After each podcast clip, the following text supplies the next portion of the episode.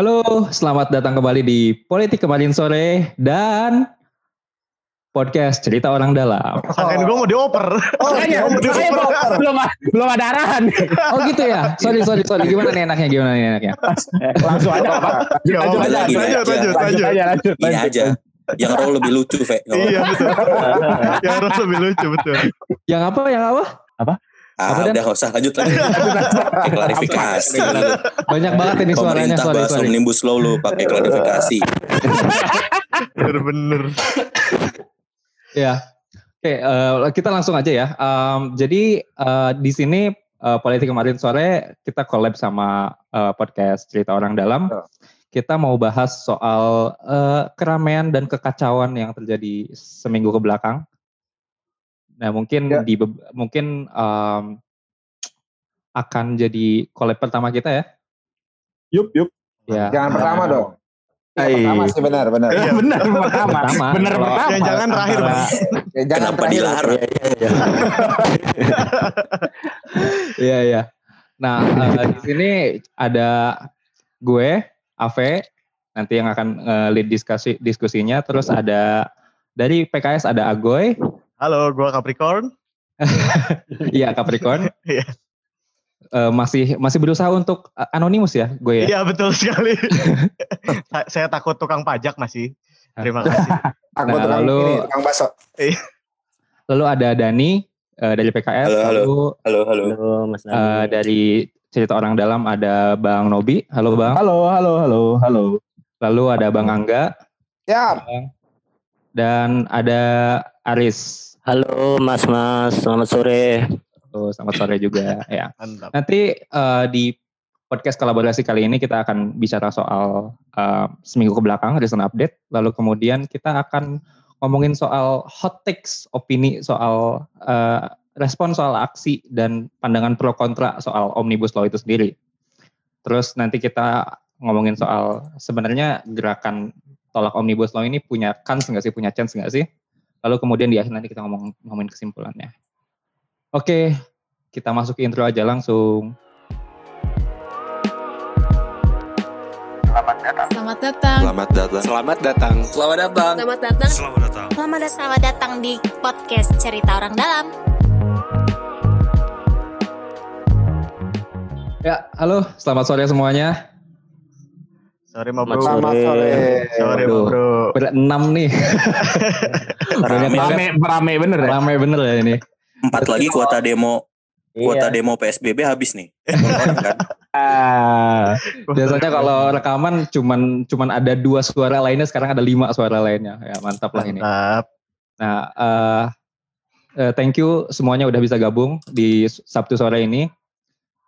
Kita mau eh, review sebentar kali ya. Eh, sampai Sabtu sore ini, sampai Sabtu sore ini apa aja yang kejadian, gitu ya.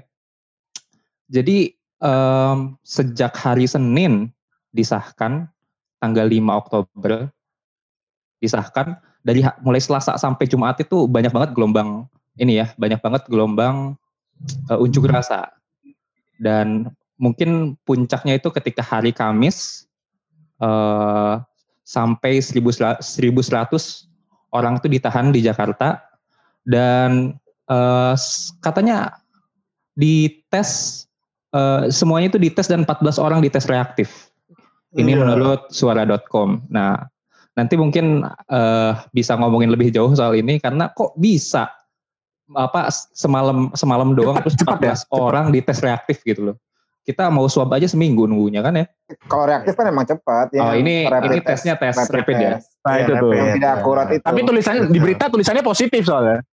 Iya, Ya, namanya betul. juga berita. Ya. Kalau pakai reagen-reagen nggak ngerti ntar orang bang. Nah, terus yang kedua eh, ini ada belasan gubernur ya. Mungkin mungkin hampir semua, mungkin hampir semua yang masuk berita itu ya gubernur-gubernur yang yang gue tahu yang masuk berita itu memang gubernur yang dekat-dekat aja yang Jawa Barat, Jawa Tengah. Gue pikir dekat sama lu, Fe. Gue Ih, pikir dekat sama ngeri lu. banget ya. Iya makanya. Ya kan dekat-dekat. Dekatnya sama gubernur. Iya. kira, lo kira gue anak siapa? Gila gila. ya, tapi eh, sekitar puluhan kepala daerah ya ya Eh, karena kalau belasan gubernur, puluhan kepala daerah karena ya ada wali kota, ya ada bupati juga eh, menyurati Jokowi dan DPR soal aspirasi masyarakat eh, soal omnibus law. Nah, ini nggak sama seperti mereka punya sikap menolak ya, ya nggak sih? Hmm, betul. Hmm. Karena disampaikan adalah aspirasi masyarakatnya, bukan aspirasi aspirasi masyarakat. pribadi. Nah, nanti mungkin kita bakalan ngobrolin lebih jauh soal itu. Lalu yang ketiga ada sekitar 20 halte rusak 20 Hmm. harus rusak. 20 halte sebagai Oh, 20 fasilitas halte. ya. Maksudnya ini kita um, kategori kategorikan kita generalisasi aja 20 halte rusak katanya kerugiannya sampai 55 miliar Oh, Hmm. iya. dari detik.com. Terus Tadi, uh, Fe, gue dengernya adalah 20 hal paling rusak. Wah, mantap. Apa itu? Udah dibikin list ya? banyak banget tuh malah Semuanya kalau itu ini ya, semuanya nggak cuma 20. nanti satu jam kita bahas itu semua dong. Iya, kayak on the spot ya. iya, makanya. Banyak banget. Aduh. Terus, terus. Nah, eh, itu itu di Jakarta. Nah, terus katanya ada yang marah-marah di Surabaya. Bahaya mana? Oh, Siapa? Surabaya katanya ada yang marah-marah. siapa? Eh, nggak tahu. Oh. Nanti kita mungkin bahas soal itu ya. Nah, eh, lalu setelah itu eh, Pak Jokowi mungkin baru kemarin ya eh, ada konferensi pers dan pesan utamanya adalah jangan percaya sama hoax yang ada di media soal omnibus law. Oh. Emang udah ada? Draft finalnya udah Nah, nggak tahu itu. nah, karena nanti kita akan masuk ke sana karena eh, draftnya itu bahkan sampai sekarang belum ada ya. Mm-mm. itu Pak Jokowi salah ngomong, Fe. Apa dong harusnya? Harusnya jangan percaya hoax yang dibuat pemerintah. Iya. Iya. Iya, iya. Kalian semua kena prank. Aduh, aduh. Aduh. Nah, lalu kita kalau kita flashback eh, ke hari Senin ya, itu kan memang sangat-sangat janggal nggak sih? Kok bisa hari Senin langsung em, bisa kok bisa hari Senin langsung sah gitu itu kayaknya janggal banget. Fe. Apa? Terakhir kita rekaman itu kan minggu ya yang ngomongin si betul. rapat Eh. pertamanya itu. Terus di situ Iya. kan katanya diselang 10 hari kan. Jadi tanggal 10 Oktober gitu kalau salah. Terus Nah. tiba-tiba kenapa jadi tanggal Lima, eh, tanggal sebelumnya tiga itu ya? sebelumnya itu tanggal 8 hari Kamis. Oh tanggal 8, sorry. Tanggal 8. Tapi kemudian di- dimajuin entah itu itu sebenarnya bisa nggak sih ngemajuin kayak gitu? Tanya ke siapa lu? Ya siapa aja yang tahu. Ah, gua kalau gua sih sebenarnya lihatnya ya bisa-bisa aja karena kan itu kan hak haknya PR. haknya DPR RI kan gitu. Tapi gue jadi ngerti jangan-jangan itu alasannya alasannya kenapa belum ada draft final yang sebenarnya gitu karena harusnya kan dipersiapkan eh, apa namanya Kamis ya gitu tanggal 8 mereka bisa ngoreksi typo dan segala macamnya gitu Hmm. ternyata kan dimajuin kan Sabtu diketok tahap pertama Senin langsung paripurna nah typo-typo dan yang mau nyelipin gak sempet Mm-mm. Rasa sidang skripsi dimajuin ya, panik kita. sidang skripsi tiba-tiba hari Kamis, tiba-tiba jadi Senin, wah panik itu. Belum nyiapin PPT segala Iya, macam. betul. Iya. Sih kalau kalau menurut gue sih gitu jadi ya ya ya ya gitu. Tapi sebenarnya ketika kan jadinya orang-orang seuzon kan, kenapa nih majuin dimajuin hari Senin gitu.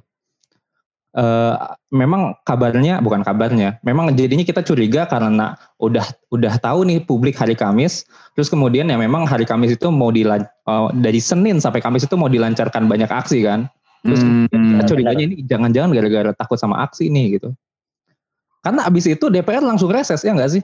Yoi. Iya, karena ada yang positif juga kan, banyak. Iya. Ah, iya sih Dan, dan benar. memang jadwalnya reses harusnya. Hmm. Iya, iya. gitu. Nah, Paripurna reses jadi kalau dicari orang, oh saya lagi kunjungan. Gak tahu kunjungan ke mana. nah dari situ aja udah dari kita mundur ke hari Senin aja udah banyak banget em, apa ya? Jalan. Udah banyak banget kecurigaan dan keanehannya ya.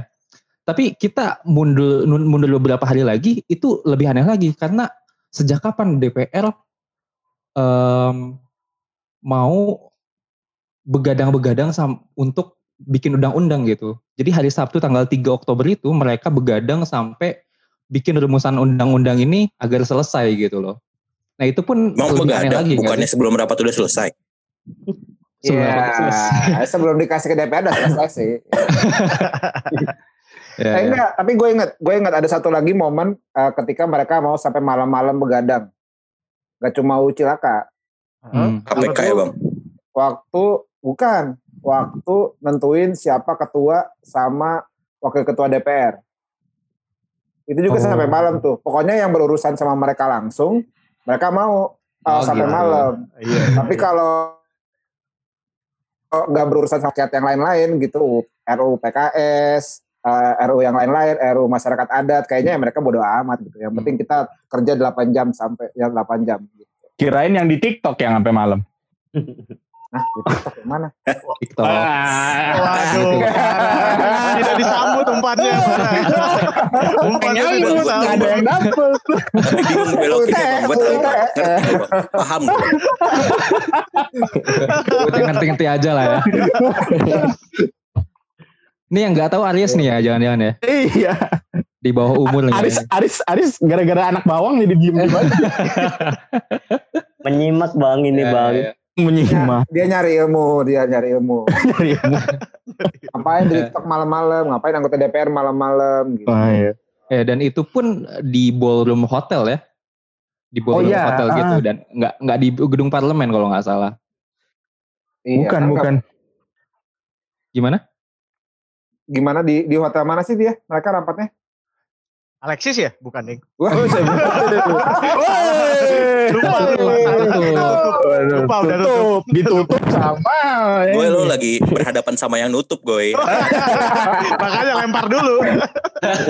Main lempar-lempar aja lu. lempar dulu Nah, aja. tapi sebenarnya gue gue lupa dis- di- gue lupa dis- disclaimer nih buat em, pendengar kita. Ini mungkin kita bahas situasi karena omnibus law, tapi kita nggak akan bahas omnibus law itu sendiri ya. Oh, iya. Iya. Ya karena, Karena bingung. buat nyampe substansinya aja udah banyak masalah. Apalagi di dalamnya gitu ya, Fe. ya? Iya. sembilan ratus halaman. Mending baca kok, mending baca yang lain gue. Iya iya iya. Enggak. Dan pun enggak, dan yang berseliweran di Twitter tuh aneh-aneh semua gitu loh karena karena, karena di reply-nya kemudian baik oh ini hoax bukan yang aslinya ya terus yang asli yang mana ya gitu. bingung Bahkan kayaknya tadi tadi siang gue baru dapat dapat potongan video dari uh, salah satu media ya, dari Kompas. Di, Mhm. Polisi ditanya gitu. Jadi Oh, uh, Oh iya, iya, iya. Bapak tahu hoax itu dari mana gitu? Ya saya dapat kita tahulah itu mana yang hoax, yang mana yang bukan lah. Dia nggak punya dia juga nggak megang draftnya terus nentuin yang hoax yang mana gitu. Yang gimana caranya gitu. Jangan-jangan emang proses paripurnanya aja udah hoax gitu kan. Wah, mantap. Iya betul. ya nah terus em, karena kita kita mulai dari awal banget pembahasan eh, wacana omnibus law itu itu kira-kira awal tahun kan sebenarnya awal tahun 2020 gue ingat pertama kali em, itu dibahas di media-media itu kayak akhir Januari gitu loh. Nah lalu kemudian sekitar 9 bulan sampai akhirnya Oktober tiba-tiba jadi itu itu apa aja yang kejadian sih sebenarnya Hmm, Kalau beliau- ngelihat website DPR itu tanggal pertama rapat April, Fe. April itu pertama kali mereka ngejadwalin eh, semua rapat terkait ini, Hmm. penyusunan dan lain-lain. Eh, terus sebenarnya di situ juga udah ada permasalahan sih sebenarnya. Jadi si undang-undang yang kan dari pemerintah nih, saat diserahkan pemerintah ke balik itu tuh tidak dibahas di balik, jadi langsung dibahas dibahas di eh, panjanya panitia kerjanya. Hmm. Terus itu jadi katanya salah satu masalah kok tidak dibahas di balik dulu baru dilimpahkan ke panja gitu. Karena kan kalau panja itu isinya 40 orang, balik itu 80 orang. Nah, si panja yang dibentuk dari balik ini takutnya tidak termasuk apa ya, tidak mewakilkan keseluruhannya gitu loh. Hmm. Udah banyak yang mulai menuntut itu sih kesalahan prosedur di awal April itu saat tidak dirapatkan di balik terlebih dahulu. Hmm. Iya. Jadi kalau di di website DPR tuh mulai dari April eh, ini ngebut-ngebut sih sebenarnya April sampai Juni terus break mulai lagi Agustus. Oh, Hmm. gitu. Berarti kan memang prosesnya itu setelah masa pandemi saat setelah Indonesia masuk pandemi kan. gitu. Jadi ketika Hmm. Indonesia masuk pandemi Bang. mereka Ah, dengan semangat bikin uh, omnibus law gitu. Nah, kalau tadi balik lagi eh, sebenarnya gue pertama kali dengar omnibus law itu waktu Pak Jokowi kampanye eh, capres di Ah benar benar. 19. Jadi Ah. Pak Jokowi itu ngeluarin statement bahwa dia mau bikin terobosan yang namanya omnibus law gitu. Nah, semua orang bertanya-tanya omnibus law itu apa gitu. Eh, dan gue inget kalau nggak salah ya, pokoknya Itu ada, beberapa ada dua. Jokowi itu nyuruhnya ada dua omnibus law. Yang satu yang ini yang cipta kerja sama yang satunya perpajakan. Nah, Perpajakan jadi per- di Desember kan perpajakan. udah keluar kan. ya. Hmm. Nah, jadi ketika itu mulai, semua orang bertanya-tanya omnibus ini apa? Karena omnibus itu kan sebenarnya term baru di Indonesia kan. Uh, Ya. Belum ada tuh gitu, ada kumpulan undang-undang yang merevisi banyak undang-undang gitu. Uh, makanya begitu dimulai, uh, semua bertanya-tanya dan ternyata dikebutnya cepat saat pandemi pula gitu. Jadi ya siapa yang nggak curiga sih gitu dengan Ya bukan pertama kali bikin ya bang ya. Nggak ada keraguan-raguan gitu. Iya, kayak kayak nggak ragu-ragu. Namanya kan semua orang kalau namanya pertama kali nyobain kan ragu-ragu ya. Iya. susah apa enggak, sakit apa enggak gitu kan. Ah, hmm, oh iya. iya. Hah? Apa enggak? Biasanya kan gitu gitu. Tapi tapi ini kayak nggak ada nggak ada keragu-raguan, langsung maju, hajar aja gitu mau pandemi nggak ada proses eh, apa namanya eh, diskusi publiknya, bahkan nas naskah akademik yang nggak dirilis gitu. Dari itu aja udah jadi sebuah kecurigaan besar sih. Dan aneh kalau nggak ada yang curiga gitu sih kalau gua mah. Karena Hmm. sudah mewakili aspirasi, Bang. Siapa tuh Siapa? bang? Aspir. Apa di infografisnya sudah berapa 242 orang anggota DPR pengusaha semua. Jadi itu sudah mewakili Oh, iya. aspirasi sudah langsung. Jadi nggak ragu-ragu udah. Sudah Iya sudah. Betul, sudah betul. terwakilkan. Iya betul. Jadi eh, ketika sampai eh, bulan Oktober itu memang eh, memang kita pandang prosesnya ada cacat cacat prosedural ya, Hmm. ya nggak sih? Hmm. Nah itu em, berarti kita memang melihat cacat prosedurnya memang sejak awal, sejak kalau Dani bilang tadi berarti sejak bulan April. Nah, Ya. berarti sebenarnya sejak bulan April juga sudah ada penolakan, ya kan? Ya. Dan sudah ada seharusnya ya secara politis gitu, secara politis sudah ada upaya-upaya untuk ini nggak boleh jadi nih omnibus nih. Tapi sebenarnya kelihatan nggak sih di media bahwa ada ada upaya itu? Hmm. Em, kalau gua kalau gua boleh bicara ya, ini gue bicara mulu dari tadi kenapa? Ada yang Boleh saya izin lagi bang. Iya, Iya bang. Kalau nggak saya kick Yang dari izin room itu ini bang. kalau pertama kali doang bang. Nah, enggak, mas gue gini kalau gue kalau gue ngeliatnya gini eh, dari selain dari media sebenarnya yang harus dicek adalah kan kan namanya bikin undang-undang itu kan prosesnya harus harus panjang gitu ya. Maksudnya eh, harus naskah akademiknya eh, diseminarkan dulu ke publik gitu, Eh, disampaikan ke publik. Eh, dan setahu gue itu udah memang udah banyak elemen buruh banyak yang nolak, eh, civil society banyak yang nolak gitu Hmm. dari situ aja harusnya udah jadi uh, apa namanya tanda gitu ya bahwa ini ada ada yang salah. Tapi kan sebenarnya yang didengerin sama uh, pemerintah gitu kan bukan suaranya masyarakat gitu. Uh, yang didengerin kan waktu itu seingat gue ada survei-survei, uh, lembaga Mhm. survei yang didengerin. Ada, ada lembaga survei yang bilang seluruh rakyat eh masyarakat rakyat itu mayoritas setuju dengan omnibus. Hmm. S- SMRC eh salah jangan itu di, di cut aja nanti gue di show sama Saiful Mujani lagi. Kita biasanya nggak ngekat bang, maaf bang. Kan kita nggak punya sound engineer bang. Iya bang. Aduh, nggak tapi gitu. Cuma kan yang didengar mereka, yang didengar buzzers gitu ya. Anyway ya udah. Hmm. Gue kita- gue nambahin dikit. Em, kondisinya itu kayak kontras itu sempat kalau nggak salah bulan Januari tadi sempat baca di Twitter itu ini udah minta draftnya omnibus law cuma Ya, Kat- ya. Kemenko Marves bilangnya rahasia gitu Oh. Bayangin gak sih lo, Pak Luhut bilang rahasia. ada ada artikelnya artikelnya di Tempo kalau nggak salah Ah, Oke oke oke. Ya itu itu buat pen- pendengar kita ya biar lihat sendiri, bukan bukan buat kita kan. Iya iya Ya oke mungkin kita balik lagi ke present day ya. Hmm. Ketika eh, dari Senin sampai Jumat itu, sorry dari Selasa sampai Jumat itu banyak banget aksi di berbagai banyak tempat gitu ya. Yang kemudian em, khususnya di Jakarta yang sangat di em, yang sangat disorot gitu ya. Yang kemudian aksi jadi rusuh anarki, lalu kemudian kita lihat banyak fasilitas umum, banyak fasilitas umum terbakar, banyak fasilitas umum rusak dan segala macamnya. Eh, ini ada yang punya apa ya? Ada yang punya opini, ada yang punya pendapat nggak mengenai itu? So- sorry, sebenarnya gue koreksi dulu. Anarki itu bukan metode aksi, anarki itu sistem pemerintahan. Iya. Pandalis, Sip. Pak. Pandalis, pandalis. Ah. Vandalis. Oke. Vandalis. Sorry, sorry, sorry. Gue kayak media mainstream jadi sekarang nih. Iya. Coba tolong, tolong. Enggak mas gue itu biar kita nggak salah juga. Ngerti, Gitu. ngerti, ngerti. kan sistem pemerintah. Coba coba tanya Aris yang bakar-bakar Aris gimana Aris sebagai yang lempar molotov Aris? Iya dari dari saya masuk ya Mas ya. Ya, ya, ya, ya. Halo. Silakan, silakan. Halo. Sebelumnya ini Mas Aris lebih senang dipanggil anarkis atau vandalis Mas? Halo. Apa nih? Halo? Ya ya. Ya. A- Arisnya ngilang tuh. Ya. Udah diciduk kayaknya nih, udah diciduk. itu gara-gara ada tukang bakso bawah hati itu.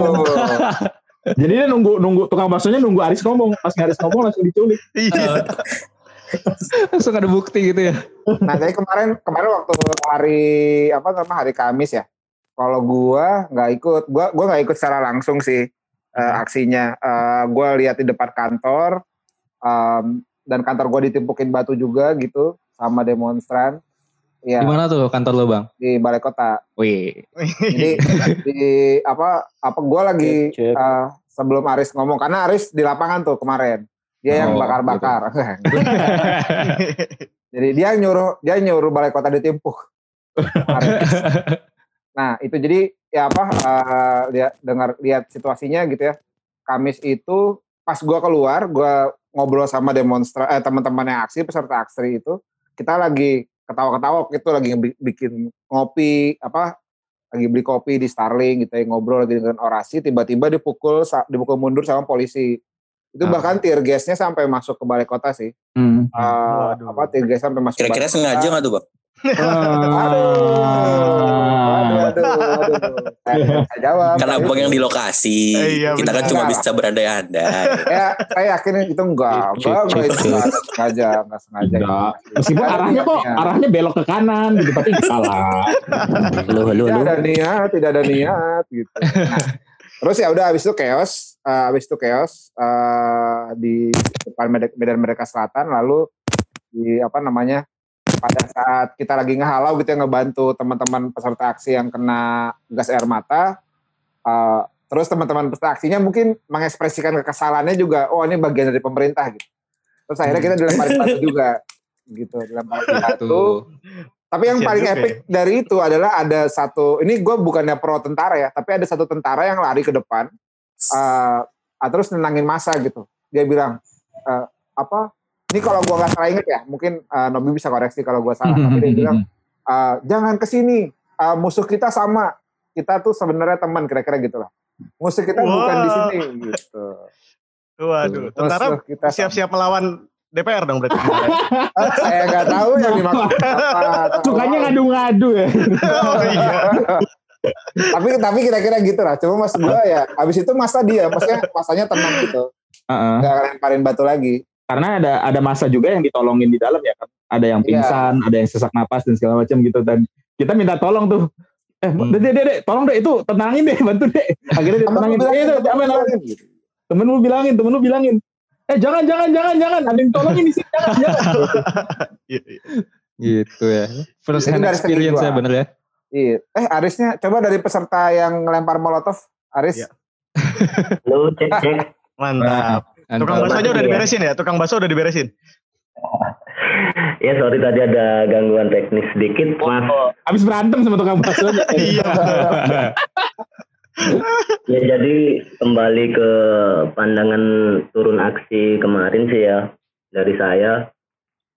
Memang terjadi pembakaran kantor polisi, pos polisi, halte dan lain-lain di Jakarta gitu kan. Ya menurut saya itu yang suatu hal yang pasti terjadi saat demo gitu kan. Karena kenapa? Kenapa coba? Ayo. Ayo. Aduh. Arisnya nggak bisa ngomong. Kenapa? Kenapa di tengah podcast ada kuis? Orang bener ini podcast. Aduh. Sebenarnya terus, kan ya ya sebenarnya demonstran datang aksi itu kan karena kecurigaan masing-masing. Kecurigaan kita tentang omnibus law tentang apa dan saya yakin juga dari ribuan demonstran tersebut tidak tahu ya apa ya tentang undang-undang tersebut. Hmm. kayak gitu kan termasuk saya juga nggak baca sih juga kan dapat hoax-hoax dapat hoax-hoax dari Twitter, Instagram, media sosial lainnya kayak gitu. Jangan Tapi ngaku dulu mas harus jelas- mas. Iya mas ya. Jadi yang jelas itu kan para de- demonstran turun aksi itu kan ingin bertanya gitu kan, ingin orasi bertanya gini-gini mencari tahu gitu. Mencari tahu. Pas Aris ngomong kita diam semua ya. Terus kok lu jadi serius sih? Gue jadi bingung. Iya, iya. Aris Aris serius banget di sini. Harus dengerin, harus dengerin. Kan jarang-jarang ngomong. Riz, tapi waktu kemarin turun ikutnya rombongan apa, Riz? Ah, rombongan rombongan kecil sih mas dari kos saya kan kos di Jakarta gitu. Oh kan. gitu. Saya juga sebenarnya kan nggak tahu apa-apa tuh tentang undang-undang ciptaker ini Hmm. kayak gitu kan. Tapi kosnya keren ya. Kos-kosannya perjuangan sekali ya. Iya. Aris jangan ketemu Ini- sama Pak. Aris jangan Jangan-jangan yang punya kosnya ini Tirto ini. Cokro, Pak, Cokro, Pak. Cokro, Cokro. salah, salah, Cokro, Cokro, Cokro. Cokro. kayak gitu jadi saya juga bertanya-tanya ini ini ada apa sih ini ada apa saya termasuk masyarakat atau warga yang bingung gitu kan Mhm. Hmm. tentang undang-undang ini juga Hmm. pemerintah juga bikin undang-undang itu bahasa apa ya bahasa politik yang nggak semua orang tahu juga gitu Hmm. Undang- Karena emang gak ada sosialisasinya juga. kan? Iya. iya kayak gitu Terus lo Jadi- ngelihat apa aja tuh ketika lagi aksi lo ngelihat apa aja? ngelihat orang pasti jawab Apa aja yang kejadian depan depan Lu sih lo nanyanya gitu? salah. Iya. Itu pertanyaan Iya sih, bersalah nggak itu. Enggak, enggak salah. Salah. Enggak salah jawabannya, enggak salah. Eh, ini gue ulang Ya, jadi pertanyaannya ya. itu Mas, Mas Aris, jadi pas kemarin demo apa lihat Bapak Luhut di tengah-tengah? siapa tahu Iya, ya. iya dong. Nah, dia nyamar gitu nah, siapa tahu. Nyamar. Yang nyamar Wiranto beda dong. Oh iya bener salah betul betul. Ya waktu itu jam berapa ya udah siang itu ya setengah tiga atau jam tiga lewat berapa itu udah pukul mundur polisi Hmm. waktu itu. Dari setengah Sebenarnya tiga ya. sebelum kejadian brutal ya kriminal merusak merusak apa jalan merusak halte bakar itu aman-aman aja sih waktu jam-jam itu ketika mun dipukul mundur kejadian di tempat ya mau gimana lagi gitu kan namanya juga di situ ribuan orang yang emosinya kita nggak tahu ya Hmm. berapa persen gitu kan ada yang bisa nahan ada yang kayak gini gitu kan Hmm. ada yang masih membara bawa molotov dan lain-lain gitu jadi ya hancur gitu tapi sebenarnya tujuan mereka sih ya bertanya itu aja sih bertanya ini apa Kirain gitu kan. tujuannya emang rusuh. mungkin ada sih beberapa itu memang dari rumah gitu kan Emang bawanya molotov. ya. gitu. Oh, iya. Udah lama ya. itu itu udah udah yang dari dulu demo kayak gitu sih ya kan Ah, pasti akan ada sih.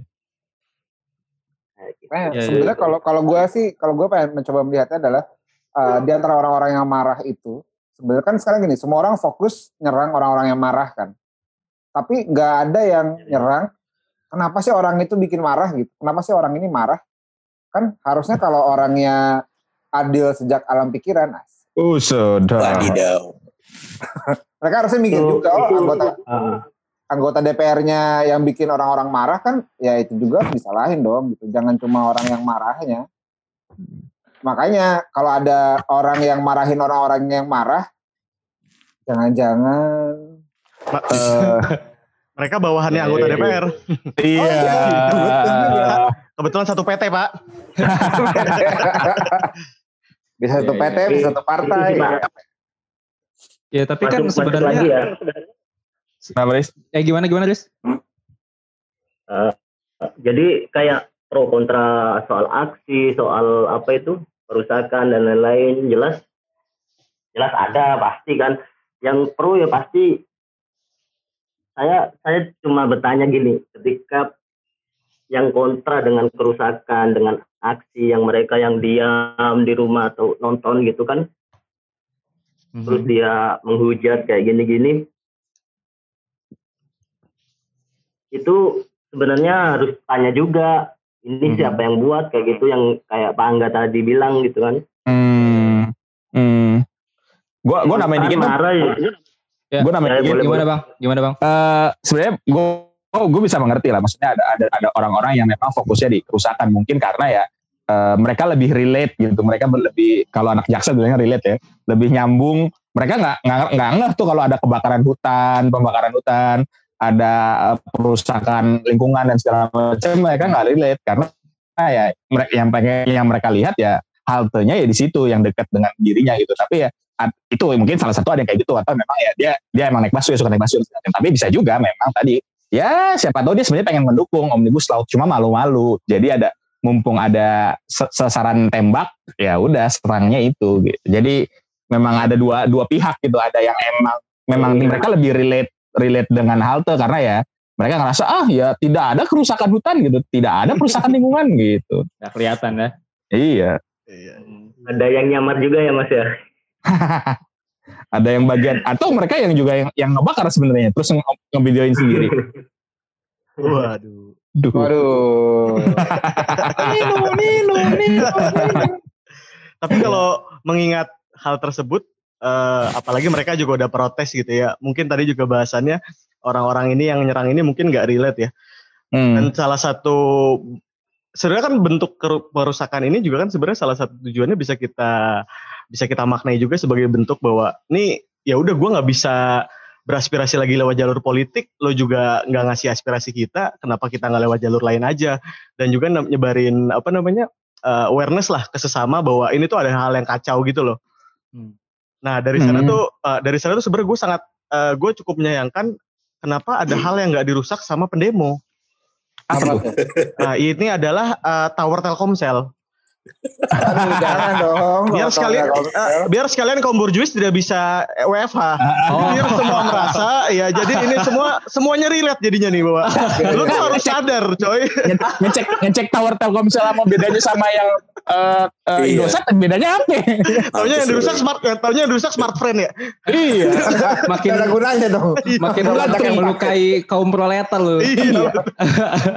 yang marah marah Mas Iya, iya. Nadim ya. Ini kok saya kok nggak habis-habis. Ya ya ya. Kalau gue sih gue tuh ngerangkumnya itu dengan harus memang harus imbang pe- pemikirannya itu harus seimbang ya antara antara lo harus fokus ke apa problemnya di mana tapi kemudian harus seimbang juga nggak berarti harus merusak fasilitas umum dan segala macamnya kalau dalam kalau gue tuh mencoba menggambarkannya itu pakai beatnya em, gue gue dengar komedian namanya tuh Louis C.K. Nah dia tuh Iya, punya enggak lo doang yang tahu Louis CK di Ah. sini. Iya, Iya, nggak apa-apa. Lu jangan jangan ngejatuhin Ave. Jangan ngejat- Ave itu lagi pengen sombong. Ave lagi Iya, pengen sombong. gitu dong. Jangan Gue jangan berani jatuhin. yang dari harus COD kan bang, Iya. Doang. Jadi beatnya itu eh, ada dua kategori gitu yang ada dua kategori yang bisa menggambarkan situasi ini itu.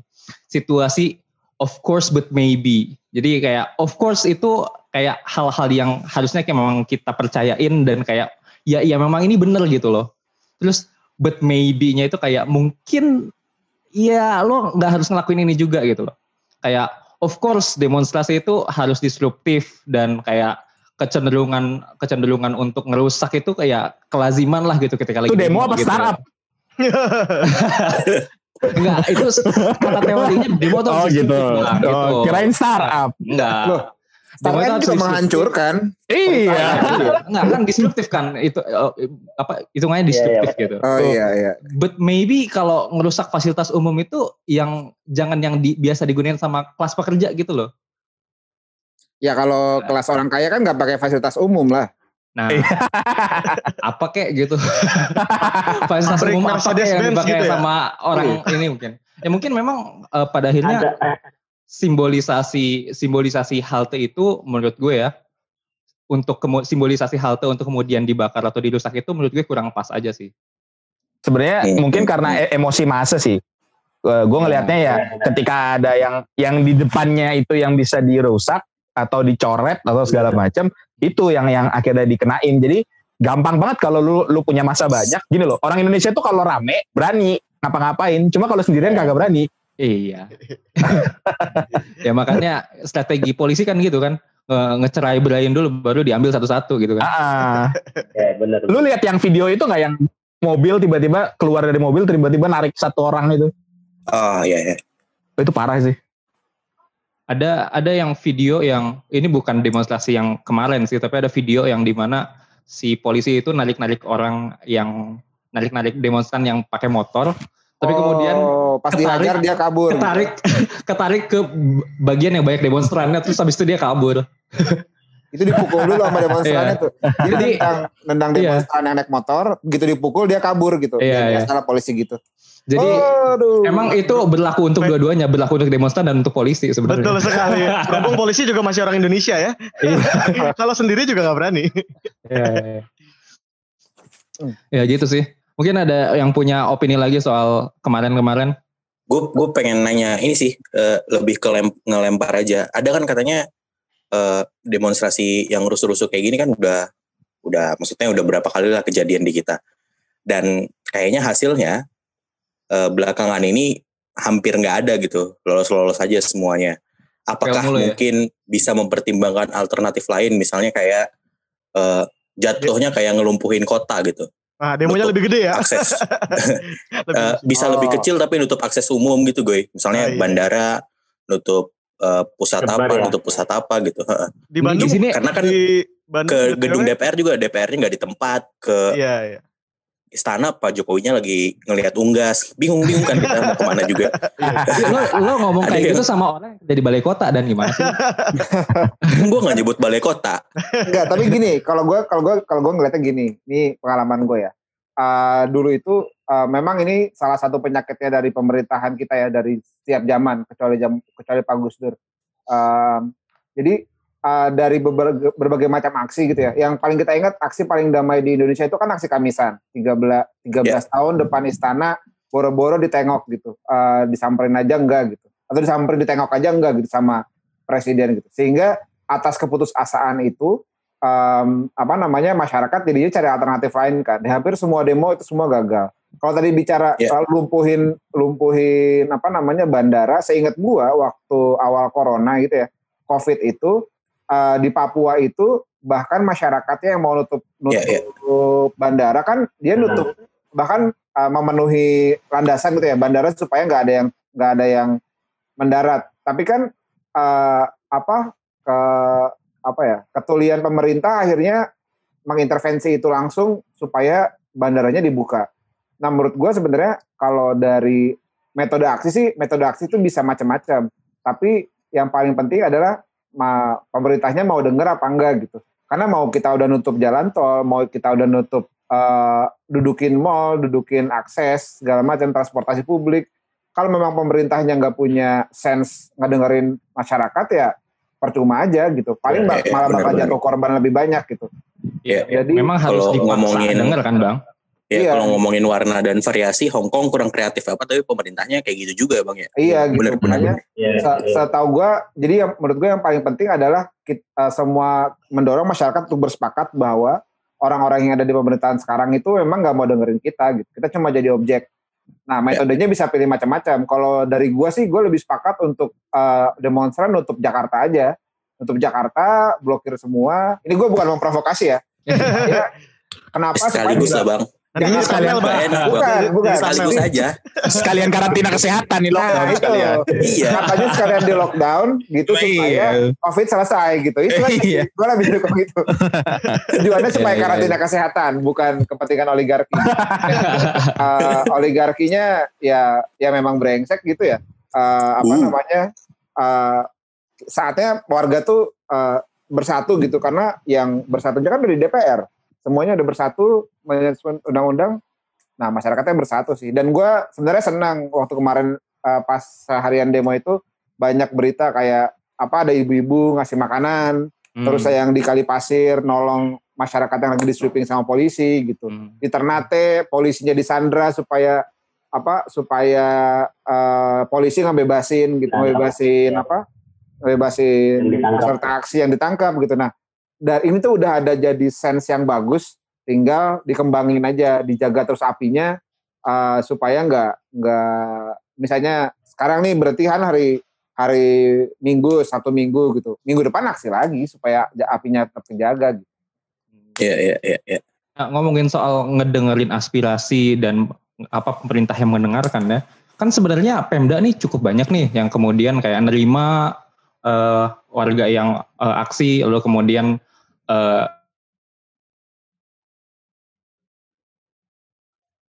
video Ridwan Kamil mencoba untuk nyuratin Jokowi lalu kemudian eh, Pak Anies juga lalu, apa ngobrol sama demonstran gitu kan. Sebenarnya di sistem yang kayak sekarang gubernur, kepala daerah nyuratin presiden itu sebenarnya punya punya power nggak sih? Punya punya efek nggak sih sebenarnya? Enggak sih. Enggak ya.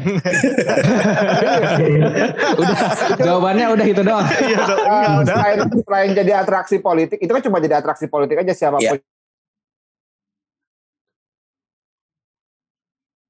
Itu kan namanya Tuh. eh, Sultan Hamengkubuwono, mau itu Khofifah, menurut gue itu itu jadinya atraksi politik aja karena secara secara apa namanya secara konstitusional posisinya kepala daerah kan nggak ada dalam proses penyusunan undang-undang kan gitu. Iya, iya. Uh, mereka nggak ada dalam proses itu sehingga uh, aspirasi penolakan itu jatuhnya ke uh, apa namanya atraksi politik sampai mereka taking uh, apa ngambil posisi yang lebih jelas misalnya ikut dalam rombongan gugat ke uh, judicial review misalnya gitu. Hmm. Tapi ini gue mau masuk substansi sedikit. Tapi mas yang jadi masalah di Undang-Undang Cipta Kerja pasal 174 itu bilang bahwa uh, semua semua yang dilakukan atas undang-undang ini uh, harus dimaknai sebagai bahkan pemerintah daerah, kepala lembaga dimaknai sebagai pelaksanaan kewenangan presiden. Hmm. Jadi Ah. nanti akan dibalikinnya loh. Kan gubernur di di Undang-Undang Cipta Kerja jadi pelaksana kewenangan presiden. Kok gugat ke GR gitu? Bang, gue ngeliat tweetnya Ci Elisa yang soal ini bang. Eh, kan AMDAL tuh sekarang perizinannya ditarik ke pusat semua ya bang. Ah, bukan. Eh, Apa, gimana sih tatanannya? Gue pokoknya ya gitu. ah, dalam gimana? konteks perizinan, semua aturan detail perizinan itu di, di- akan dikeluarkan sama peraturan pres- pemerintah. Jadi kayak IMB, AMDAL eh, dan lain-lainnya itu kewen- a- aturan yang lainnya dicabut, nanti diatur lagi dalam peraturan pemerintah. Nah, itu kan dalam dalam peraturan itu kan jadi si gubernur kehilangan apa yang harusnya jadi fungsi atau hak dia kan bang. Se- Eh. Iya, tentunya. Nah, Kalau- dalam hal ini emang mereka nggak bisa protes gitu bang. eh ya bisa aja protesnya gitu. Bisa makanya tadi sampai mereka harus langsung eh, gugat ini, gugat JR-nya ya itu bicara tentang lo gua nggak punya nggak punya apa eh, kewenangan lagi kok lo ngambil kewenangan dari gue sih gitu. Jadi harus sampai itu. Kalau cuma surat penolakan aja itu jadi atraksi. Nah, gugatnya bisa satu itu, bisa karena kehilang- kehilangan kewenangan untuk eh, IMB, untuk AMDAL, untuk hal-hal yang lain gitu jadi jadi apa itu jadi jadi penting buat kepala daerah itu ikut gugat ke mana pun gugatnya gitu sampai Ah, oke, mereka oke. menang gitu Gue ada follow up question nih bang. Eh, Ya. Kalau nggak salah ada berita yang bilang kalau Anies itu tidak dilibatkan dalam eh, omnibus law ada dalam diskusinya. Padahal Pak Anies ini ketua asosiasi pemerintah provinsi. Itu gimana tuh bang kebenarannya? Eh, itu iya yang gua tahu memang begitu Eh, jadi satgas itu kan satgas omnibus law ya Mhm. satgas itu kan eh, semuanya diajak gitu Ket- ketua asosiasi pemerintah provinsi ketua asosiasi pemerintah eh, wali kota sama bupati semuanya diajak gabung tapi kan Hmm. kadang-kadang kan gini, kalau lu bikin uh, panitia gitu, ada yang diajak karena oh ini anaknya asik kita ajak ngobrol gitu. Oh ini anaknya gak asik nggak kita ajak ngobrol gitu. Ya mau gue Nah. jadi injok padahal tadi aduh. ya dulu kan. Nah, karena itu karena karena kepala kepala saya tahu gue nggak cuma BW sih, semua kepala daerah memang nggak diajak ngomong. Ah, gitu. Ngerti, ngerti, ngerti. Dan diajak Iya, cuma iya, yang iya. pengusaha-pengusaha doang. Hmm. Nah, mungkin kita bisa lanjut ke poin selanjutnya ya. Tadi udah ngomongin soal JR di MK Udah, dan iya. segala macamnya. Nah, yang dilakukan sama demonstran sekarang, setahu gue ya, Hmm. di apa informan gue da, informan gue masuk ke informasi gue dari uh, para demonstran yang dari UI itu mereka uh, demonya depan Istana Negara dan mencoba memaksa presiden untuk uh, menandatangani Perpu untuk menolak undang-undang ini. Hmm. Seperti uh, presidennya adalah uh, ketika Pak Pak SBY bikin Perpu untuk menolak uh, pilkada yang tidak secara langsung. Mm-mm. Nah, sebenarnya apa gestur ini tuh masih masih efektif nggak sih sebenarnya kayak uh, aksi untuk kemudian memaksa Pak Jokowi untuk uh, menandatangani Perpu padahal dia beliau sendiri yang pengen ada omnibus law ini sebenarnya masuk akal nggak sih? Nih gue kayak tadi sama Pak SBY itu kan kayak- kayaknya teman-teman udah pada gue mengingatkan cerita kisah lucunya ya Hmm. eh, atas perpu pilkada langsung dan tidak langsung itu jadi ini ini ini kisah eh, cerita yang kayaknya udah diceritain banyak orang cuma memang dulu itu setahu gue Pak SBY itu tidak ingin eh, pilkadanya tidak langsung gitu tidak ingin pilkadanya tidak langsung pengennya tetap langsung lalu kasih instruksikan ke salah satu anggota partainya Hmm. untuk all out Mhm. Ngerti kan maksudnya kalau kita kan all out tuh ngerti kan, all out tuh sungguh-sungguh gitu. Iya. Nah, yang mendapat mendapatkan perintahnya mem- mem- memikirkan bahwa ngerti lagi. all out itu semuanya keluar. Oh. oh. Akhirnya Demokrat all out waktu itu. Aduh. Aduh, aduh joknya, aduh bapak-bapak sekali. Nah, Jadi ini bukan tapi- jokes ini cerita Ini cerita beneran. Iya. Ya Allah. Kayak ini inside cerita insider ya gitu maksudnya Iya, iya. cerita cerita Ya, yang cerita apa, cerita orang dalam beneran. Cerita orang ini. Iya. gitu. Jadi karena itu akhirnya kayak kesel kan ah si kampret ini kenapa malah keluar gitu ya deh gitu. Nah kayaknya itu nggak akan kejadian nih di di yang sekarang gitu. Hmm. Karena ya dia juga pengen gitu. Kecuali dia tiba-tiba kes, eh, keseri, keseripet eh kan gue dulu nolak pembangunan eh, mall di pabrik es. Berarti Hmm. ini karena gue tiba-tiba ingat setelah gue hilang ingatan, oke kita bikin gitu. hilang, Ya, ya. merasa hilang pak ya. Jokowi Iya. yang dulu Jokowi yang dulu tidak sama dengan Jokowi yang sekarang. Aduh. Atau itu Jokowi yang sebenarnya. Oh, iya. Aduh, make people change, people change atau people don't change at all. Iya.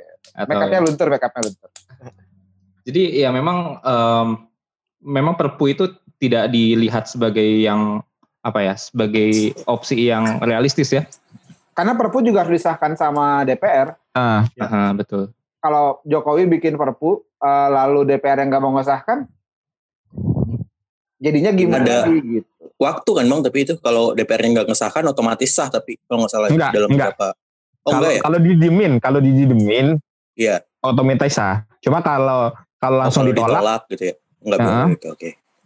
Oh, Oke gitu. oke oke. oke. Ngerti, ngerti. Nah, ada satu opsi lagi itu itu eh, ini yang opsi yang dari kemarin diomongin terus sama Pak Erlangga, diomongin terus sama Pak Ma'ruf Amin, diomongin terus sama Pak Ma, Ini eh, opsi yang paling buruk sih, Ve. Iya, itu Pak- sama beberapa Pak orang Mahfud yang ngomong dan Pak Jokowi sekaligus ya. Ya itu itu kalau nggak suka bawa aja JR di, di MK. Itu hmm, menurut kalian gimana? Itu hmm, omongan orang udah siap, makanya nantangin, Ve. Iya. oh, Tadi lo Enggak, ngasih lu contoh mesti- orang lu mesti ba- ide. udah mesti baca berita-berita sebelum ini ada apa aja, ada revisi undang-undang apa, Mhm. ada kata-kata Pak Jokowi tentang MK itu didengar, dibaca saja lah. Saya nggak berani ngomongnya. ya. iya. Ada revisi undang-undang yang sangat cepat gitu kan. Cuma dalam waktu semingguan atau berapa gitu, itu eh, langsung jadi aja undang-undang itu. Silahkan dibaca aja. Lo ngomongin soal undang-undang MK kan, Bang? Oh. Ah iya. Gue di sini. Tapi emang undang-undang MK itu isinya yang substantif tuh apa sih? Yang yang kemudian kayak oh ini jadi sangat-sangat menguntungkan hakim MK nih gitu. Eh, masa ininya, masa masa berlaku hakimnya Nambah ya jadinya. Jadi lebih Ya. lama. bisa Oh. sampai 2034 kalau nggak salah. Uh. Gitu. udah kayak Intinya nambah ya. nambah. Iya iya iya. Kalau kalau gue sih melihat melihatnya gini, ya Betul, JRMK itu eh, apa namanya eh, adalah salah satu jalan. Tapi kan masa sih eh, apa pemerintahan begitu melulu caranya gitu. Kalau nggak suka eh, apa JR aja. Kalau kamu udah nggak suka sama aku putusin aja. Kan kayak gitu, sama kayak gitu jadinya. Jadi Iya, iya. Jadi kayak anak kecil aja gitu mas gue ya kalau lu memang yakin bahwa uh, undang-undang lu itu benar kenapa nggak di prosesnya dibikin benar sih gitu kenapa harus inkonstitusional gitu prosesnya gitu kenapa uh, harus tone deaf gitu uh, nggak mau dengerin masyarakat pengen apa kayak gimana gitu ya Nah. kalau semua pengen caranya gitu ya kayak anak kecil aja Nah, tapi kalau kita ngomongin soal peluang nih, Bang, kan kita udah ngomongin soal prosedurnya cacat, banget kan. Mm-mm. Nah, salah satu salah satu yang bisa di JR itu adalah soal pres- prosedur pembuatan undang-undangnya ya nggak sih? Hmm. Gimana peluangnya menurut lo ketika kemudian kita eh, yang kemudian melakukan JR di MK itu kayak ini tidak valid seluruhnya karena prosedurnya tidak tidak valid juga. Itu sebenarnya ada sejarah itu pernah kejadian atau gimana sih sebenarnya? Oh. Eh, Kayaknya udah sering ya undang-undang yang di itu nggak sih yang udah udah cacat prosedur tapi akhirnya tetap lanjut lanjut aja. Oh, KPK justru- 9 kali di JR KPK. nggak nggak berhasil. Heeh. Oh, 9 kali udah. Gagal semua, Ve. Alasannya prosedur, eh, eh, yang dituntut prosedural sama ada substansi.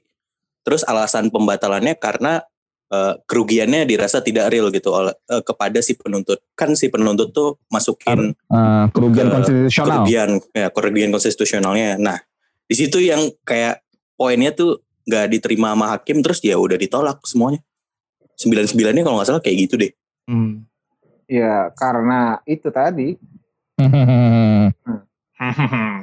Nah, Kalau Hmm. kalau dari kalau dari gue sebenarnya eh, kalau dari gue ini ini agak disruptif dan aduh gue tadi sangka provokator tapi mungkin sebenarnya kalau misalnya eh, kepala daerah kepala daerah itu dan masyarakatnya mau bersatu gitu ya langsung declare aja kita tidak mau melaksanakan undang-undang titik udah gitu Hmm, gitu ya, bisa ya kayak gitu ya. ya ya berat Gimana tuh bang? Tolong tolong dirincikan bang, biar bisa dibikin general briefnya bang. Ya, maksudnya gini eh, apa bilang gitu bahwa daerah gue eh, nggak nggak mau ikut sama pemerintah pusat gitu cuma ya Hmm. bakal dianggap inkonstitusional sama pusat jadi bisa di impeach sama Kemendagri cuma kan itu Mhm. resiko yang mau diambil ya kalau Hmm, kalau iya, mau iya. disruptif gitu kalau mau eh, punya power gitu ya declare aja gitu ngelawan membangkang dari eh, pemerintah pusat. Karena cara cara yang pa- cara yang paling legal JR aja peluangnya ada tapi kecil. Uh, apalagi cara yang uh, tidak biasa gitu ya. Kayak apa namanya uh, apa demonstrasi gitu ya. Harus tetap kita lakukan tapi tapi menurut gua uh, kayaknya kita harus pu- punya strategi baru gitu yang Oh. mana didengar ya cari apa cerita-cerita ada apa uh, simpanan anggota DPR yang mau apa come out Nah, itu, itu itu itu itu itu. salah satu mungkin gila salah sih itu. cara yang bagus gitu ya dosa-dosanya dibongkar-bongkar aja tuh anggota DPR Iya. iya. Nah, ini kan mau pilkada nih, Bang. Apakah kemudian bisa dijadikan ini ini benar-benar hipo- hi- hipotetis aja ya. Apakah kemudian bisa dijadikan itu bahan kampanye para calon di masing-masing daerah gitu? Oh, ini saya menolak omnibus nih. Kalau omnibus jadi, saya nggak mau melakukan di daerah saya gitu. Hmm, kayaknya eh, nggak terlalu Itu itu ngajak ribut banget ya. Eh, itu Yang ngusung dia siapa, Ve? Iya. Dia nolak, Iya. Ve. ya tergantung kan pada akhirnya. Ini misalkan Depok yang Susah- menang, susahnya susahnya gubernur itu adalah dia perpanjangan tangan pemerintah pusat kecuali kecuali yang daerah-daerah istimewa atau daerah khusus ya. Hmm. Semua kayak Jabar, Jateng, Jatim itu Ya, semuanya perpanjangan tangan pusat. Jadi Nggak karena punya mereka nggak ya, punya Bang? wilayah, mereka nggak punya wilayah, nggak punya kewenangan. Ya mereka sebenarnya ya anak buahnya presiden. Hmm. Ngerti, ngerti. kecuali Jakarta, Kecuali Jakarta. Aceh sama Papua. Aceh, Papua, Jogja juga. Jadi empat empat empat tempat itu bisa nggak kayak gitu? Eh. Kalau misalkan Jakarta, kalau misalkan Jakarta all out gitu terang-terangan all out lagi, all out gitu terang-terangan kayak berperang sama pemerintah pusat soal omnibus law ini, kira-kira gimana? Ya Bisa? Oh, lockdown impeach aja pasti. langsung rame. Impeach pasti. Mau lockdown aja rame. Cuma maksudnya Iya. itu nggak bisa. Jadi kalau kalau nih ini pendapat gue tentang kasus Jakarta. Uh, kalau Jakarta di mana apa namanya kondisi sosial politiknya itu polarisasinya sangat tinggi gitu ya. Mhm. Ketika ketika langkah drastis itu diambil, ini bukan ngomongin masalah nyali ya. Kalau nyali mah berani-berani aja. Tapi apa? Siapa lu, Bang? uh, Apa siapanya bang? Yang berani siapa? Iya, siapa ya berani lah pokoknya gitu ya. Nah, tapi maksudnya karena, tambah kan karena situasi, situasi politiknya polarisasinya tinggi, eh, pasti ada pihak-pihak yang senang aja kalau misalnya, jadi eh, senang aja kalau misalnya harus turun gitu. Ah, ah, gitulah kira-kira. Cuma maksud gue ya memang kalau Aceh, Papua berani eh, nolak itu, wah itu keren banget sih. Kita merdeka. Jadi jadi sebenarnya kecuali di per- kecuali Perpu dan JRMK sebenarnya ini demonstran ini sebenarnya nggak punya strategi lain ya kecuali kecuali untuk nge- memaksa DPR untuk ngebatalin eh nggak bisa ngebatalin juga ya Nggak bisa. Bikin Yang UU bisa baru. yang ngebatalin ya harus bikin UU baru bikin undang-undang baru. Revisi. presiden bikin perpu. dan itu sangat-sangat tidak realistis ya. Iya. Dan Eh, kalau, hmm, yang paling konkret mungkin bikin gerakan politik ya, mas gua yang lebih ya udahlah gitu. Ini ini yang sering gua tweet, ya. ini yang sering gua tweet eh, beberapa bulan terakhir gitu. Gerakan yang kiri sama gerakan yang kanan, Mhm. ibaratnya gitu. eh, orang yang dituduh anarko sama orang yang dituduh HTI, udah sekarang jalan bareng aja, duduk bareng. Mhm. eh, apa gugat pemerintah gitu. Mhm. Karena kalau yang kiri sama yang kanan itu udah duduk bareng sama-sama, pemerintah juga takut gitu. Karena masa jumlahnya jadi banyak. Ini kan Narko gugat Menarik, pemerintah tuh gimana bang? iya maksudnya yang Berarti dia dituduh percaya pemerintah dong. enggak yang dituduh anarko itu loh Mas gua. Oh yang dituduh narko. Jadi kan gini, SJW, Coba, SJW, kalau SJW. kalau SJW. kalian kalau kalian perhatiin gini ya, eh, dalam konteks isu eh, kayak misalnya Pilpres kemarin gitu. Itu kan yang yang eh, demonya yang rame kan sama yang kanan kan, sama teman-teman yang konservatif gitu. Ya, ya, Eh, ya. Lalu eh, RUU KPK yang rame itu yang eh, kiri Hmm. gitu, yang misalnya dituduh SJW. Em, yang sekarang juga sama. Kalau bayangin dua kekuatan itu duduk bareng sama-sama, itu jadi sebuah power yang besar. Gitu. Hmm. Salah satu yang bikin ketakutan di Undang-Undang KPK kemarin, itu kan ketika polisi nyerang itu nyerang demonstran ke arah Tanah Abang. Mhm. Nah, Tanah Abang yang sangat kental dengan orang-orang yang konservatif itu ngelawan gitu. Hmm. Jadi jadinya rame gitu. Yang waktu pilpres kan juga gitu. Iya, Nah, iya, itu iya. yang yang menurut gua kalau mau sih daripada ngomongin gengsi-gengsi ya, udah eh, duduk bareng aja sama-sama, gugat pemerintah gitu. Ngelawan lawan pemerintahnya sama-sama. Jadi jadi lama-lama mereka ngerasa bahwa legitimasinya eh, makin hilang, makin hilang. Jadi benar lah insya Allah gitu. Itu kalau dari gua. Hmm. Itu yang lebih lebih pilihan ke depan ya. Karena ya selain itu Jadi setelah itu ya, memang PD. menurut lo dalam dalam dalam tempo yang singkat-singkatnya ini nggak bisa ya bang ya? Jadi dalam bisa. short term short term ini nggak ada nggak ada solusi gitu.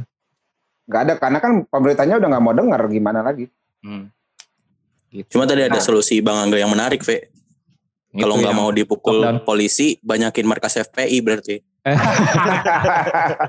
pulangin dulu Habib Rizik Sihab. Iyo, itu Banyak loh di Twitter dan Instagram juga kalian sih mengusir-ngusir Habib Rizik Sihab. Jadi tidak ada yang bisa apa tidak yang bisa memimpin kan melawan pemerintah. Anjas. Eh tapi Oh tapi itu benar. Ini gue bukan anak 212 ya, gue bukan anak 212, gue bukan anak 4 Gak apa-apa, Bang. Ada kok Agoy di sini yang dua Tapi gue gak ikutan. Dua satu dua juga bang. Kayak alumni doang, alumni doang, alumni doang. Tapi mas gue itu salah satu bentuk ya, maksudnya demo tertib, semua orang ikut. Eh, itu kan demonstrasi juga gitu. Eh, orang akhirnya eh, apa namanya ngelihat itu jadi salah satu referensi gitu. Kalau di Twitter gitu kemarin-kemarin ya, contoh contoh dong demo yang damai nggak nyampah gitu. Referensinya apa 212 gitu orang-orang banyaknya gitu. Ya, Karena 212 yang di demo ngomong di media, Bang. Ini yang di demo nggak ngomong di media. Keluar-keluar Ya. nantangin JR. Iya, iya, iya, iya, iya. Tapi tapi gitu, mas gue eh, kiri kanan gabung, eh, udah nanti bikin bikin hal yang lebih konkret di di 2024 atau ya itu deklarasi masih tidak percayanya, tapi semuanya apa semuanya duduk bareng gitu loh, yang kiri yang kanan duduk bareng. Kan aneh gitu. Kalau lihat orang pakai apa eh, ngacungkan tangan kanan pakai sorban sama ngacungin tangan kiri pakai baju hitam-hitam ngomong masih tidak percaya ke pemerintah itu keren gitu. Nah, pertanyaan gue bang, omnibus law ini kan udah jelas banget merugikan, ya nggak? Nah, kenapa yang lo bilang tadi, yang kiri kanan berduduk bareng itu nggak kejadian selama enam bulan ke belakang? Kenapa itu nggak kejadian? Karena ada pihak yang eh megang apa yang ngejual dalam tanda kutip stigma gitu. Kalau lu deket sama yang kanan lu akan dicap HTI. Kalau lu deket Hmm. sama yang kiri lu akan dicap PKI. gitu. Hmm, Padahal padahal orang yang jadi tokohnya tokoh dua-duanya itu sama-sama bikin pabrik ayam. Oh iya, oh gua ngerti maksudnya. Kan gitu, kan gitu gitu.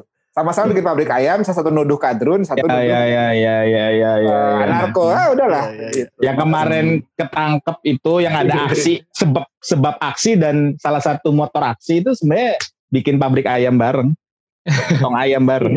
Iya, iya, iya. Gitu kira-kira gua itu Iya itu Bian Bian Karena kan sudah jelas gitu ya, secara secara sikap NU Muhammadiyah menolak itu kanan, ya nggak? Hmm. Terus kemudian SJW SJW dari dari kontras, dari LBH dan segala macamnya nolak juga gitu. Terus kemudian di eh, parlemennya ada dua ada dua partai itu yang kemudian nolak juga gitu. Kenapa kemudian nggak join force gitu?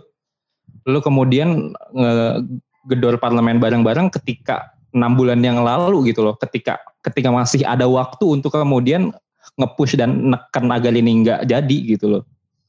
Nah itu gua gua nggak tahu ya Gua nggak tahu kenapa mereka enggak Tapi gue berharap setelah ini mereka mau semua duduk bareng gitu. Kan gini eh, Kontras ngegugat PKS gugat eh, Demokrat gugat eh, NU Muhammadiyah gugat Tapi nggak dalam satu forum yang sama-sama. Ah. Jadi Aduh. dianggapnya Ya mereka masih misa-misa nggak satu komando biarin aja gitu. Menurut gua karena ego masing-masing juga sih. Hmm, Ya hmm, bisa jadi. Ya, bahwa kondisinya kalau ditanya kenapa nggak dari dulu kondisinya itu kan mereka bilang ya nanti ini masih draft nanti masih bisa ada perubahan segala macam. Tiba-tiba tiba-tiba dikebut cepet ada beberapa yang diselipin. Inget gak kayak ada ketua orang ketua komisinya itu? Dibilang tadinya ada klaster tadinya nggak ada udah dihapus nih. Tiba-tiba Iya, ada iya, iya. tikir dan segala macam. Jadi ada orang yang ya udah ngerasa oh masih masih pembahasan ya udah nanti santai aja segala macam. Dan kondisinya kan lagi pandemi ya orang rapatnya aja tertutup dan segala macam. Mau pandemi mau demo juga ribet gitu. Akhirnya ya udah. Baru kerasa ya bar- sama semuanya juga baru komen baru ngomel-ngomel kalau udah udah udah udah kena di akhir. Ya, tapi secara gambaran besarnya lo ngomong kayak gitu kalau kanan kiri kemudian yang di parlemen bisa gabung seharusnya bisa itu berarti lo masih percaya sama sistem yang sekarang? Atau lo ngerasa ini ini bu- bukti sistemnya udah rusak sama sekali gitu loh. kalau ingat kalau teman-teman ingat eh, waktu reformasi gitu ya gue juga masih kecil waktu itu masih umur setahun lah waktu reformasi. Allah Allah Allah tapi mesti gini ada peristiwa yang menarik di mana waktu itu Gus Dur Megawati Amin Rais itu duduk bareng. Ada gue gue lupa ada si bintang pamungkas juga kalau nggak salah. Ah, ada ada. Itu tuh Muhammadiyah NU eh, orang-orang kiri itu duduk bareng gitu. Habis itu reformasi. Nah. Jadi itu udah ada presiden. Itu udah ada presiden menurut gue itu udah ada presidennya. Ah kayaknya mungkin teman-teman yang yang lagi duduk di posisi ah, penting gitu di organisasi organisasi itu kalau boleh mulailah berpikir hal-hal yang kayak gitu gitu. Hal-hal yang disruptif gitu. Kalau disruptif itu ya kayak gitu. Yang ormas-ormas besar semua datang duduk bareng declare jebret. Kita mau perubahan. Udah. Deg-degan lah itu yang ada di sana. Hmm. Tapi menurut lo dalam waktu dekat itu nggak mungkin kejadian ya? Hmm. Uh, karena akan dipecah terus, usahanya akan Hmm. dipecah terus. Iya. Uh, di diganggu kebersatuan itu bakal diganggu terus gitu. Pakai isu-isu yang sebenarnya nggak substansial.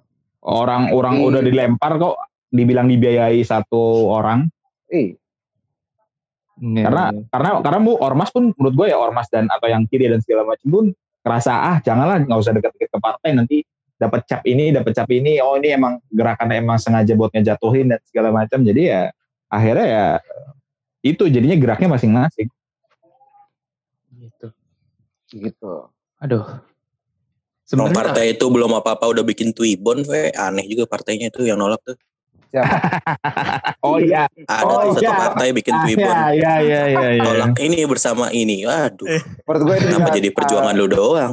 Salah satu yang maksud gue kalau udah kayak gitu lu nggak usah bawa-bawa partai sih menurut gue. Udah Iya. Iya, iya. gerakan partai lu tuh cuma di parlemen. Nah, begitu lu turun ke masyarakat, udah itu gerakannya gerakan rakyat aja. nggak usah mengklaim gitu. Nanti jadinya disrupt apa ngeganggu gerakan.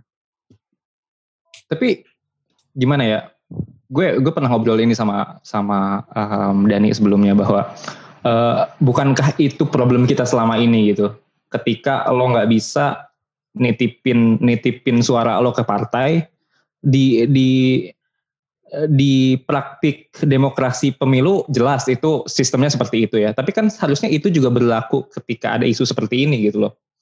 Ketika eh, di luar di luar parlemen itu ya udah di- dinaikin suaranya gitu, dinaikin, disatuin suaranya, lalu kemudian di partai ada yang menyuarakan juga gitu. Tapi it doesn't seem nggak nggak sejalan dan nggak ada komunikasi aja gitu kayaknya. Hmm. Ya di apa di pa- parlemen kan sekarang ada banyak aktivis buruh kan. Ada benar. tahun 98 gitu. Yang nggak ada Lo- gunanya juga mereka di sana gitu. Eh, aktivis buruhnya dukung omnibus law yang di iya makanya. Maksud gua karena kenapa sebenarnya ini yang lebih lebih rumit ya. Kenapa? Karena eh, sistem eh, PAW-nya itu dilakukan sama partai bukan sama rakyat.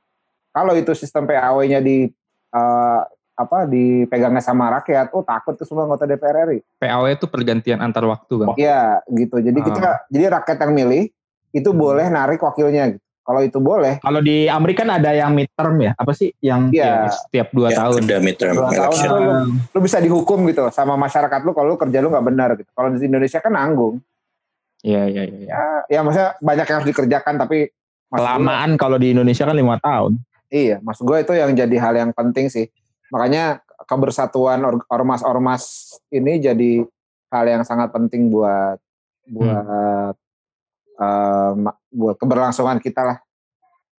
Iya iya iya. Itu. Ada yang mau nambahin mungkin? Udah di poin terakhir nih kita. Take Bu Rismanya mana nih? Gua nungguin Bu Risma nih. Buat bahas Bu Risma nih. Nggak diomongin.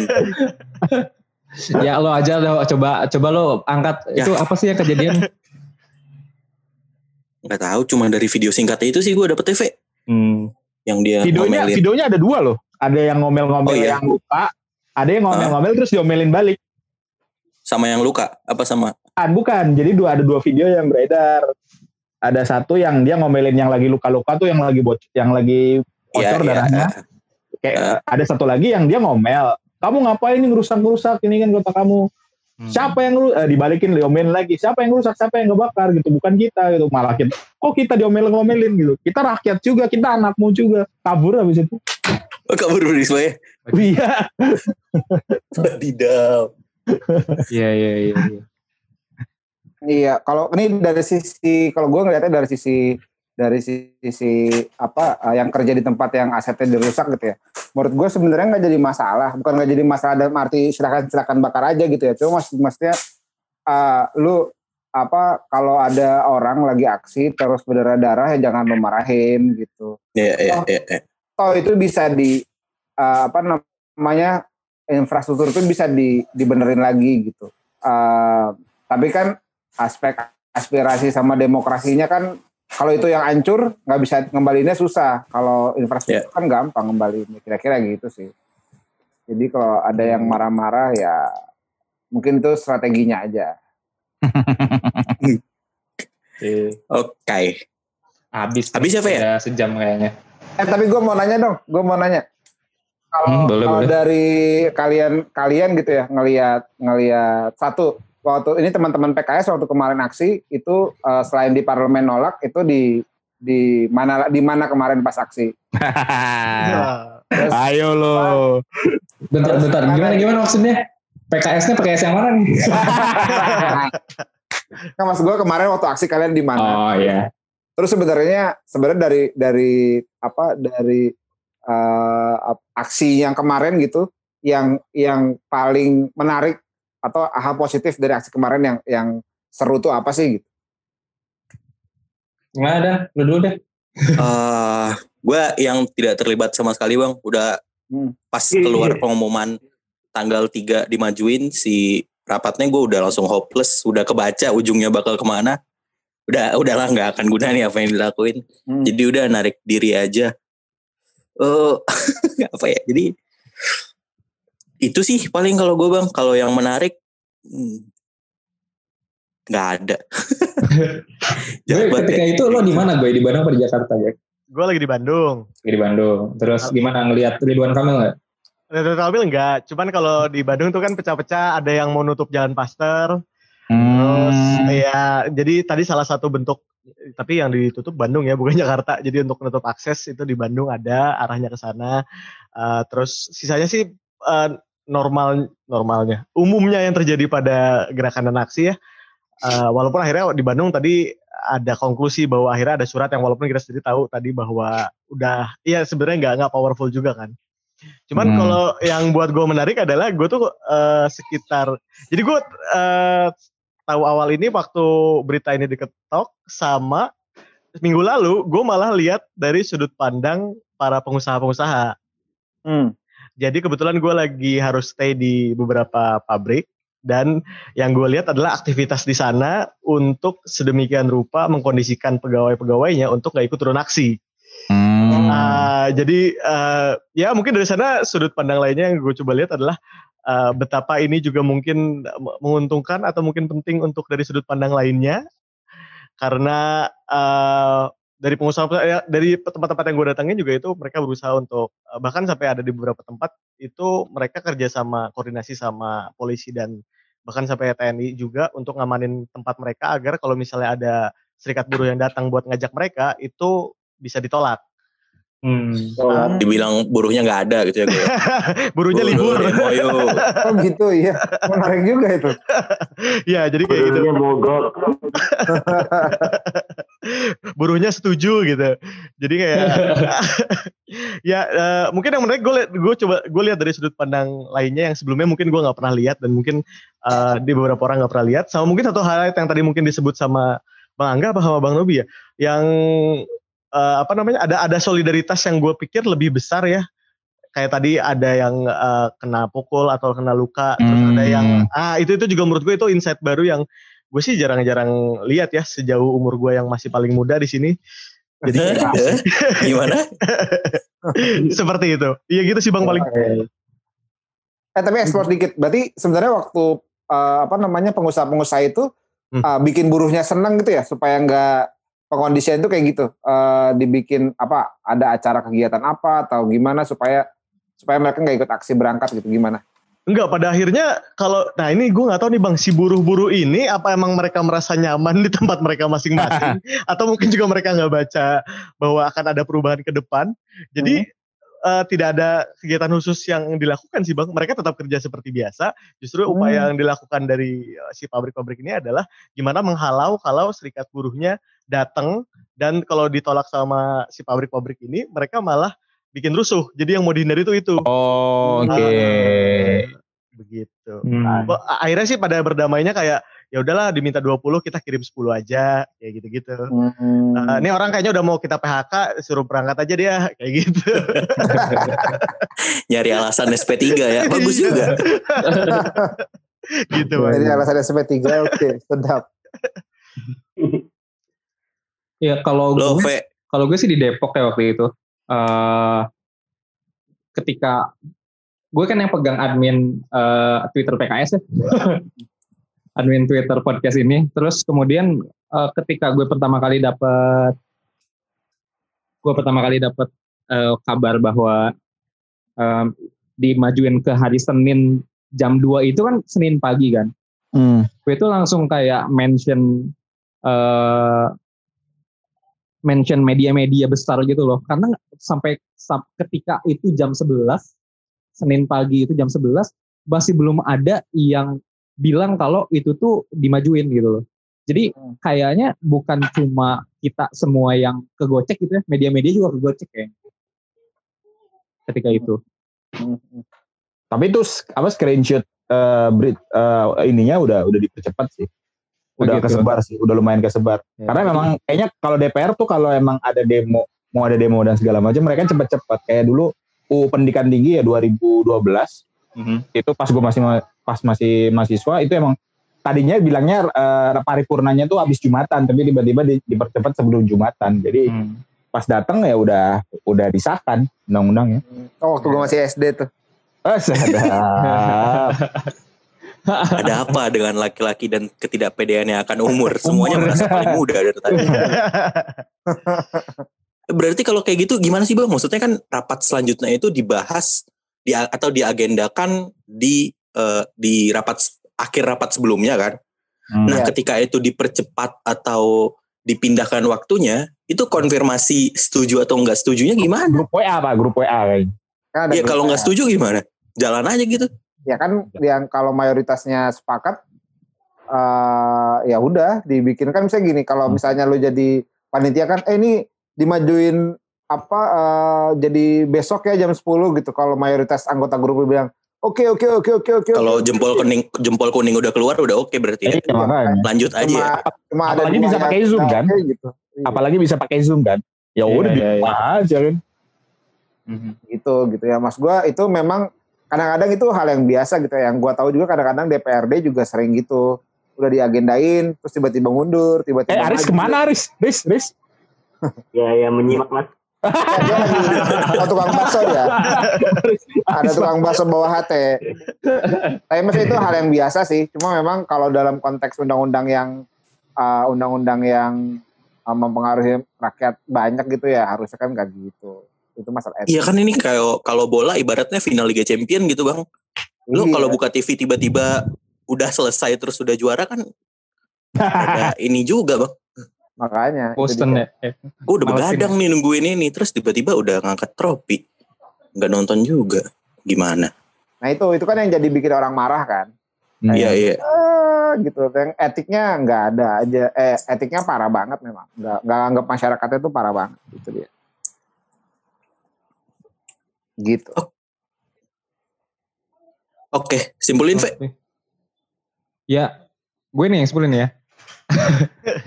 Iya mungkin um, kalau di kalau di dilihat dari uh, gambar yang gambar yang lebih besarnya ya, ini bisa jadi apa bisa jadi momen buat kita evaluasi soal selama lima tahun ke depan kepemimpinan Jokowi ini 4, 4 tahun lagi gitu ya. Mungkin kita bisa evaluasi gimana seharusnya kita melawan uh, kehendak-kehendak oligarki di parlemen gitu. Karena masih empat tahun lagi gitu, ya kan? Masih mungkin masih banyak agenda yang harus digolin sama mereka gitu. Nah, mungkin ketika ketika kita udah merasakan ini jadi mungkin mungkin kita bisa belajar gitu. Siapa pun ya, aktivis ataupun eh, kita sebagai warga negara yang em, concern gitu terhadap politik dan segala macamnya, kita mungkin bisa bisa gimana caranya kemudian- kita kita bisa nyatuin suara yang sebenarnya suara ngomonginnya hal yang sama tapi kemudian nggak satu dan nggak nyatu dan nggak nggak apa ya nggak dijadikan satu kekuatan gitu. Sehingga nggak bisa kemudian nggak bisa melawan kekuatan yang ada di parlemen itu gitu. Setuju ya Bineka Tunggal Ika tuh sekarang diujinya Hmm. mau lu dukung HTI mau dukung PKI kalau lu duk- kalau lu ngelawan oligarki harusnya lu duduk sama-sama gitu Hehe. mantap ya mungkin ada yang mau nambahin ya udah kita Cut. Revolusi ya Dari tadi arahnya udah ke sana ya. Oke, gue bilang general Aduh, Chris ya. Joy. Kok tiba-tiba ada Iya. tukang bakso lewat ya? Kok barusan tukang bakso lewat ya? Dari tadi. Sip. ya ya eh, Ah, itu aja sosmed paling. oh iya sosmed mungkin ada yang mau dipromosiin dari COD ya eh, follow cerita orang dalam di Instagram follow di Twitter juga cerita orang dalam nggak pakai e terus kalau ada yang mau beli kaos kita lagi kolaborasi sama Septian Fajrianto itu eh, buat didonasiin gitu ya ke nakes atau nakes ini nggak cuma dokter gitu mungkin juga ke apa eh, supir ambulan atau supir mobil jenazah tapi eh, seluruh keuntungan kita akan kita serahkan ke mereka gitu Jadi kalau mau beli bisa cek di Beli dong, beli dong. PKS beli dong. Harusnya Beli, ada beli, serah, beli. serah terima ini ya, serah, apa tukeran kaos gitu ya harusnya. Oh iya, mestinya ada tukeran kaos. Iya, Masih ada kan gue. kaos. Kaos PSI kemarin masih ada kan gue. Masih ada itu. Kita kasih itu aja. Mereka kan sahabat-sahabat Giring Ganesa nih. Iya. Kalau ada gue mau dong, gue nggak pernah dikasih. Ya. Tapi muka mukanya full full muka itu di dalam kaos. Nggak apa-apa, kan souvenir pak. Collect- Iya, betul. collectible item kan tahun Collectible. 2024 belum tentu ada. Fotonya pakai ini ya, pakai. Fotonya bukan foto ini- saling salaman tapi saling foto paket gitu ya. Iya, ini kan bi- bineka bineka tunggal ika tadi. Iya, iya, iya. Iya. Sip, sip, sip, sip. Toleransi. Kalau PKS eh, apa yang dipromoin ya? Paling ya Twitter dan Instagram @p kemarin sore Eh, ada lagi dan Enggak itu aja sih. ya udah aja. Oh, belum bikin belum, souvenir, belum bikin kaos nih, belum, belum. Kata pinjemin Aris. Benaris. Mantap. Ya Riz nanti email aja rate rate per jamnya berapa? Yoi. Kita nggak denger Riz, udah kerjain aja Riz lumayan buat. Sip. Ya gitu, makasih banyak udah mau collab bareng PKS, abang-abang. Sama-sama, terima kasih PKS. Yuk, sama-sama. Ya. Salam buat Pak Saiku.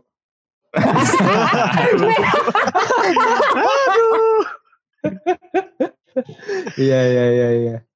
Ya mungkin salam juga sama sama yang ono junjungan yang anak gitu. ya. Iya. Ya, eh, terima kasih buat yang udah ngedengerin dari PKS dan dari COD. Goodbye. Sampai jumpa. Sampai Bye. Nah,